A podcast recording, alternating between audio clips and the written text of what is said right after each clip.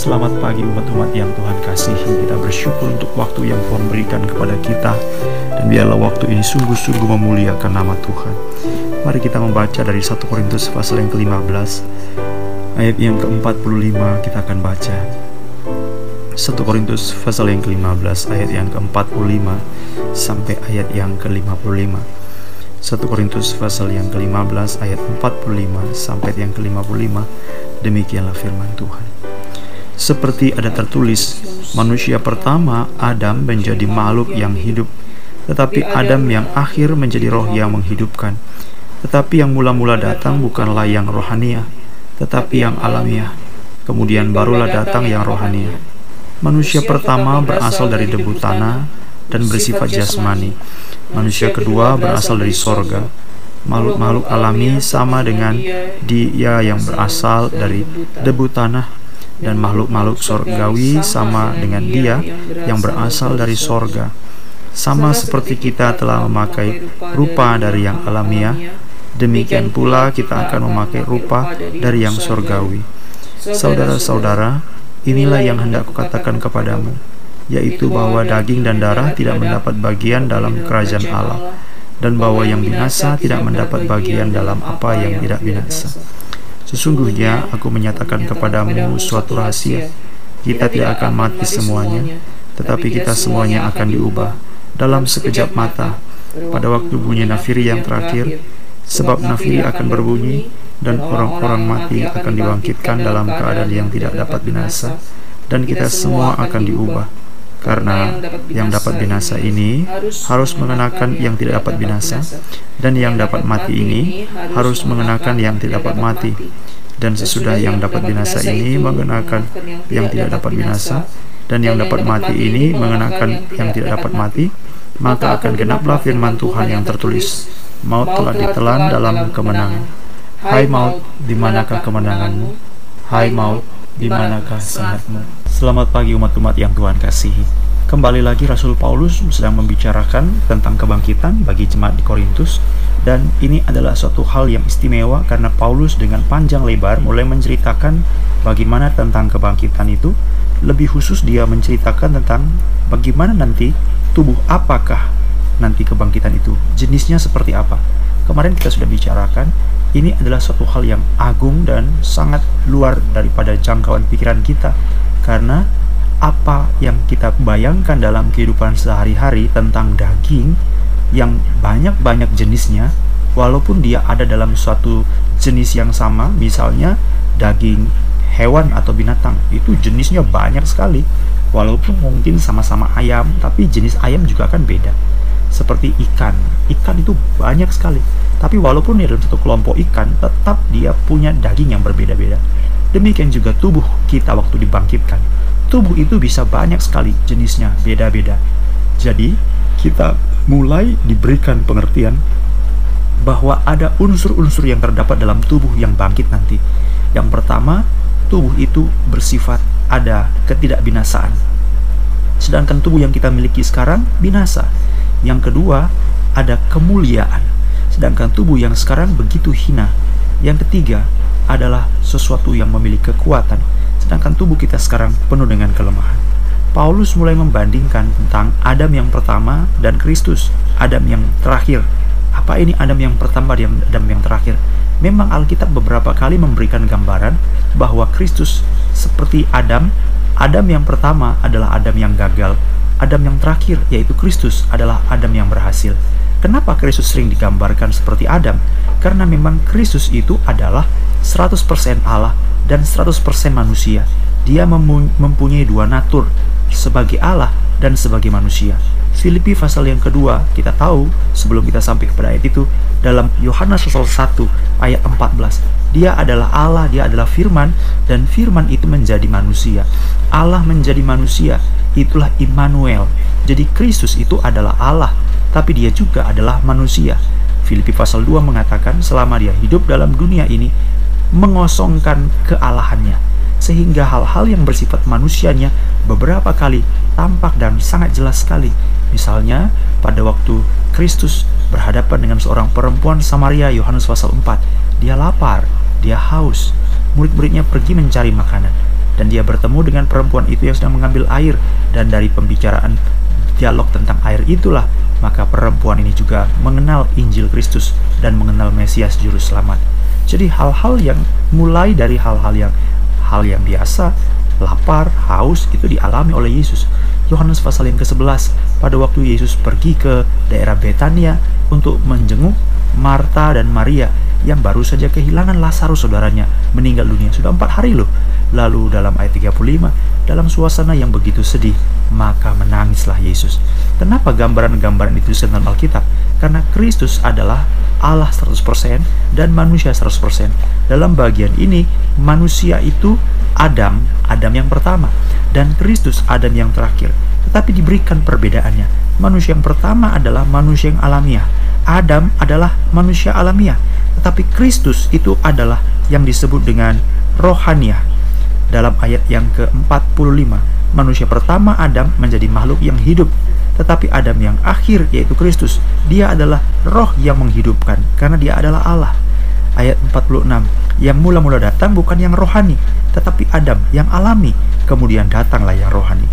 47, manusia pertama Adam berasal dari debu tanah, bersifat jasmani, tetapi Kristus manusia kedua berasal dari sorga. Dia bukan berasal dari dunia. Dia bukan dicipta. Dia bukan dari debu tanah. Manusia pertama adalah manusia diciptakan dari debu tanah. Tapi Kristus berasal dari sorga. Ayat 48. Makhluk-makhluk alamiah sama dengan dia yang berasal dari debu tanah, Adam yang pertama. Tetapi makhluk-makhluk sorgawi sama dengan dia yang berasal dari sorga, yaitu Kristus. Jadi bagaimana nanti kita, 49, sama seperti kita telah memakai rupa dari yang alamiah, demikian pula kita akan memakai rupa dari yang sorgawi. Jelas sekali bahwa jenis tubuh kebangkitan itu adalah sifatnya sorgawi, tidak lagi alami. Nah, saudara-saudara yang dikasih Tuhan, ini adalah satu hal yang sangat-sangat melampaui akal pikiran kita. Bagaimana mungkin kalau kita berkata, oh kalau begitu seperti malaikat, mungkin ada benarnya. Karena Yesus sendiri mengatakan di antara orang-orang saduki, bahwa nanti di surga itu orang akan hidup seperti malaikat. Tetapi jelas walaupun itu adalah hidup seperti malaikat, tetapi bagaimanapun kita tetap memiliki tubuh. Tubuh kita ini adalah tubuh yang bersifat memiliki unsur sorgawi. Jadi bukan semata-mata roh, tapi dia katakan tubuh, tapi tubuh yang bersifat surgawi. Macam apa jenis tubuh yang surgawi? Waduh, ini melampaui hikmat, tidak bisa kita pikirkan sekarang. Belum pernah kita lihat, tidak pernah kita pegang atau kita jamah. Tetapi Kristus memberikan pengharapan yang berbahagia ini kepada kita. Dalam tubuh kebangkitan itu, tubuh yang tidak binasa. Tubuh kebangkitan itu adalah tubuh yang mulia. Tubuh kebangkitan itu adalah tubuh yang memiliki kekuatan. Tubuh yang mulia itu, tubuh yang agung itu, tubuh kebangkitan itu adalah tubuh yang disebut dengan sorgawi, rupa sorgawi. Oh, puji Tuhan, haleluya. Betapa kita merindukan hal ini, saudara-saudara. Sama seperti kalau kayak katakan, hey, minggu depan kita jangan lupa ya, minggu depan kita akan pergi. Ke mana? Kita akan pergi berwisata, atau kita akan pergi ke Danau Toba, atau kita akan pergi ke Bali. Waduh, setiap orang akan menunggu, menghitung hari, enam hari lagi, lima hari lagi, empat hari lagi, tiga hari lagi. Wah itu adalah sesuatu yang ditunggu-tunggu, ditunggu-tunggu, merupakan hal yang tentu bahagia. Kenapa? Saya belum pernah pergi ke sana. Dan waktu saya pergi ke sana semua telah disediakan. Oh betapa bahagianya. Waduh kita akan mengerjakan banyak-banyak pekerjaan. Supaya apa? Supaya pekerjaan kita itu selesai dan tidak mengganggu kita. Karena kita akan pergi berwisata. Tidak sabar, tidak tunggu. Waduh saya pengen sekali menunggu hari yang dimaksudkan. Sampai tiba hari yang ditunggu-tunggu itu. Waduh maka kita sudah siap. Demikianlah waktu Alkitab mulai menceritakan tentang sorga, waktu Alkitab mulai menceritakan tentang kebangkitan kita akan datang, betapa kita sangat excited, bersemangat. Oh Tuhan, seperti apa nanti ini semuanya akan terjadi? Aku tidak sabar. Aku ingin menunggu, aku ingin menunggu dan aku tidak sabar lagi supaya apa yang kutunggu itu menjadi kenyataan. Yaitu apa? Bagaimana mungkin tubuhku ini akan dibangkitkan dan memiliki satu sifat-sifat yang ajaib, yang agung di luar pemikiran. Oh Tuhan, aku menunggu saat-saat itu. Itulah yang menjadi pengharapan kita. Itulah menjadi kebangkitan kita. Itulah menjadi satu tunggu, suatu penantian yang membuat kita terus-menerus menyelesaikan apa yang harus kita selesaikan sekarang. Karena kita tahu bahwa Allah kita luar biasa. Dia memberikan segala sesuatu yang baik dan bajik, memberikan segala sesuatu yang indah bagi kita untuk kita bersuka cita di atasnya. Ayat yang ke-50 Saudara-saudara inilah yang hendak kukatakan kepadamu Yaitu bahwa daging dan darah tidak mendapat bagian dalam kerajaan Allah Dan bahwa yang dapat binasa ini tidak mendapat bagian dalam apa yang tidak binasa. Jadi Alkitab hendak mengatakan Ini adalah suatu tanda bahwa nanti tempat di mana kita ada Adalah tempat yang disesuaikan Bukan tempat yang disesuaikan atau tubuh kita ini disesuaikan dengan tempat di mana kita berada. Jadi penyesuaian-penyesuaian inilah yang ditampilkan oleh Alkitab jadi kalau di tengah-tengah dunia sekarang ini, tubuh kita bisa lemah, kita masih bisa merasakan kedinginan, hawa panas kita merasakan kepanasan, kita di tengah-tengah hujan kita bisa kehujanan, badan kita rasa kurang enak, karena memang tubuh kita penuh kelemahan.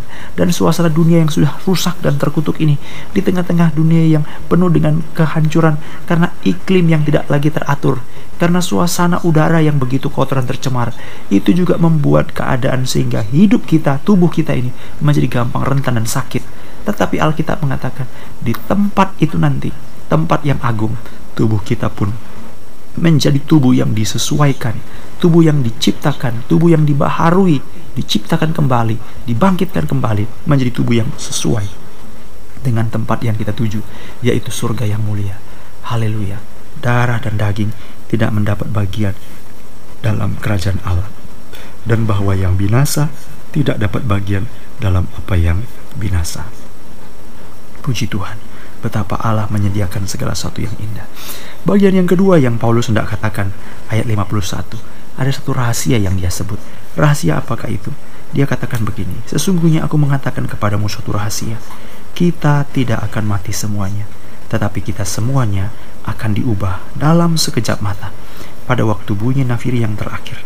Sebab nafiri akan berbunyi dan orang-orang mati akan dibangkitkan dalam keadaan yang tidak dapat binasa dan kita semua akan diubah. Nah, ini adalah prinsip yang ditampilkan, ditambahkan oleh Alkitab dan Paulus mengatakan ini suatu rahasia. Karena apa, Saudara-saudara? Memang ini adalah suatu hal cara kerja Allah yang melampaui segala akal kita tetapi Allah menyingkapkannya, memberitahukan kepada kita supaya kita ketahui bahwa tidak semua manusia ini akan mati. Memang saudara-saudara, kalau tunggu semua manusia akan mati, mungkin kita nggak akan selesai-selesai ini. Karena apa? Karena manusia itu mati, ada yang lahir, ada yang mati, ada yang lahir, ada yang mati, ada yang lahir. Jadi ada banyak orang mati, banyak juga yang lahir. Jadi kalau yang lahir nunggu mati lagi, mau berapa lama? Yang lahir hari ini dia mati beberapa tahun yang akan datang. Nah, waktu dia mati tahun akan datang sudah ada yang lahir lagi. Jadi dunia ini gak akan habis-habis kalau seperti itu. Nah, itu sebabnya Alkitab mengatakan dengan sangat jelas sekali, ini sangat rasional, masuk akal bahwa orang-orang yang mati mereka akan mati, tetapi orang yang lahir itu sebagian mungkin tidak akan mati, tetapi pada waktu Kristus datang mereka masih hidup. Itu sebabnya Alkitab mengatakan tidak semua kita akan mati. Karena yang mati itu akan dibangkitkan, tetapi orang yang lahir atau orang yang masih hidup itu tidak mati mati dulu, tidak. Mereka langsung diubah. Maka Paulus mengatakan tidak semua kita akan mati. Tetapi tidak semua kita akan mati, tidak. Tetapi semuanya yang pasti kita akan diubah. Baik yang mati akan diubah dalam kebangkitannya, baik yang masih hidup akan diubah sehingga mereka pun disebut sebagai orang yang dibangkitkan. Jadi semua orang mengalami kebangkitan. Jadi kebangkitan yang Alkitab bicarakan itu bukan hanya sekedar kebangkitan dari kematian, tapi suatu perubahan hidup itulah yang disebut dengan kebangkitan. Itulah sebabnya waktu Yesus mengatakan akulah kebangkitan dan hidup. Itu membicarakan bukan hanya sekedar suatu kematian di mana orang menutup mata, tidak ada nafas, lalu dia itu adalah orang yang bangkit. Tidak. Kita sebenarnya juga adalah orang yang mati. Kapan kita mati? Kita mati pada waktu dosa pelanggaran. Efesus pasal 2 ayat yang 1 2. Dia berkata, "Kamu mati karena pelanggaran dan dosamu. Kamu hidup menuruti aturan-aturan dunia ini. Kamu mati Yesus Tuhan mengatakan, Tuhan Allah mengatakan kepada Adam dan Hawa, pada waktu engkau makan buah pohon itu, engkau berdosa, engkau mati. Jadi dosa itu maut, saudara-saudara. Jadi kita ini walaupun hidup, sebenarnya kita adalah orang yang mati jika kita belum menerima Kristus keselamatan, melahirkan kita kembali. Kita mati. Suami-suami yang tidak takut akan Tuhan, dia mati walaupun dia masih hidup. Istri-istri yang tidak takut akan Tuhan, dia sebenarnya sudah mati walaupun dia hidup. Alkitab mengatakan pada suatu gambaran yang sangat jelas. Janda-janda yang hidup dengan sangat tidak tertib mereka-mereka yang dengan tidak memperhatikan keadaan mereka bagaimana 1 Timotius pasal 5 ayat yang ke-6 mereka yang hidup mewah berlebih-lebihan ia sudah mati selagi dia masih hidup tubuhnya masih hidup, nafasnya masih berdetak, jantungnya masih berdenyut, dia masih bernafas. Dia orang bilang hidup, tetapi di mata Allah dia mati. Jadi istilah mati bagi Allah itu bukan semata-mata tubuh ini, saudara-saudara, Tetapi orang yang hidup ber, tidak berkenan kepada Tuhan, orang yang hidup tidak diselamatkan oleh Tuhan, orang yang hidup jauh dari kelahiran baru, itu adalah orang yang mati. Dia butuh roh kudus. Dia butuh keselamatan supaya dia menjadi hidup. Itulah sebabnya Alkitab mengatakan tidak semua kita mati dalam arti kata mati jasmani. Orang yang masih hidup dia tidak mati memang, tidak mati secara jasmani, tetapi dia akan diubah. Semua kita akan diubah. Yang mati akan dibangkitkan dan dia diubah dalam kebangkitan itu dan kita yang hidup akan diubah menjadi figur, menjadi suasana yang sama, tubuh yang tidak dapat binasa. Ajaib sekali. Jadi hal-hal yang baru mulai terbongkar hari-hari ini saudara-saudara, yaitu apa? Kebangkitan kita adalah kebangkitan yang bersifat universal. Tapi kita disebut sebagai bangkit dari kematian bukan hanya karena kita mati tidak ada nafas, tetapi selama kita hidup ini, apakah kita betul-betul hidup di hadapan Tuhan? Hidup di hadapan Tuhan adalah hidup di mana kita beriman, hidup di mana kita memiliki Roh Kudus berdiam, hidup di mana karena kita mengalami kelahiran baru, hidup di mana karena firman Kristus ada dalam hidup kita dan menghidupkan kita.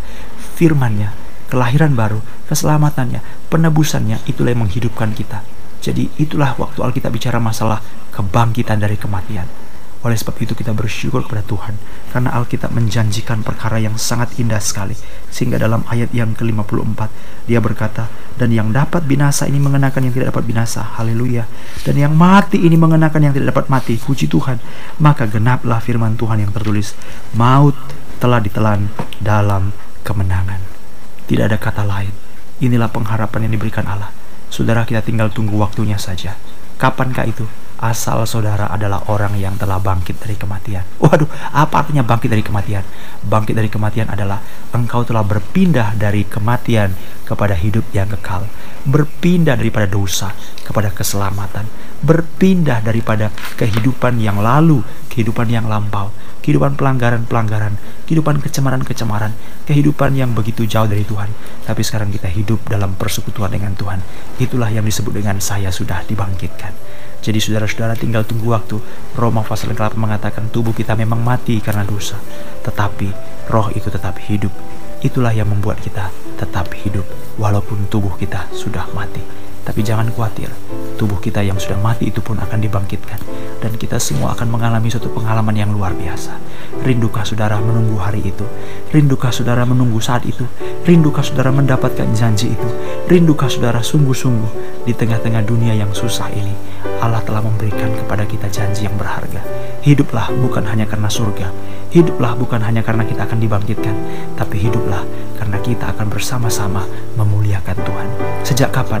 Bukan nanti, tapi sejak sekarang. Saat kapan? Saat kita diselamatkan, maka kita sungguh dibangkitkan. Dan saat itulah hidup kita seluruhnya. Hidupmu pagi, siang, sore, malam. Hidupmu di dalam atau di luar rumah. Hidupmu waktu engkau berdiri, waktu engkau duduk, waktu engkau tidur, waktu engkau bekerja. Segala sesuatu hidupmu untuk kemuliaan Tuhan. Biarlah kita renungkan pagi hari ini. Tuhan, hidupku untuk kemuliaan-Mu karena betapa indah begitu ajaib yang telah Engkau sediakan bagi kami.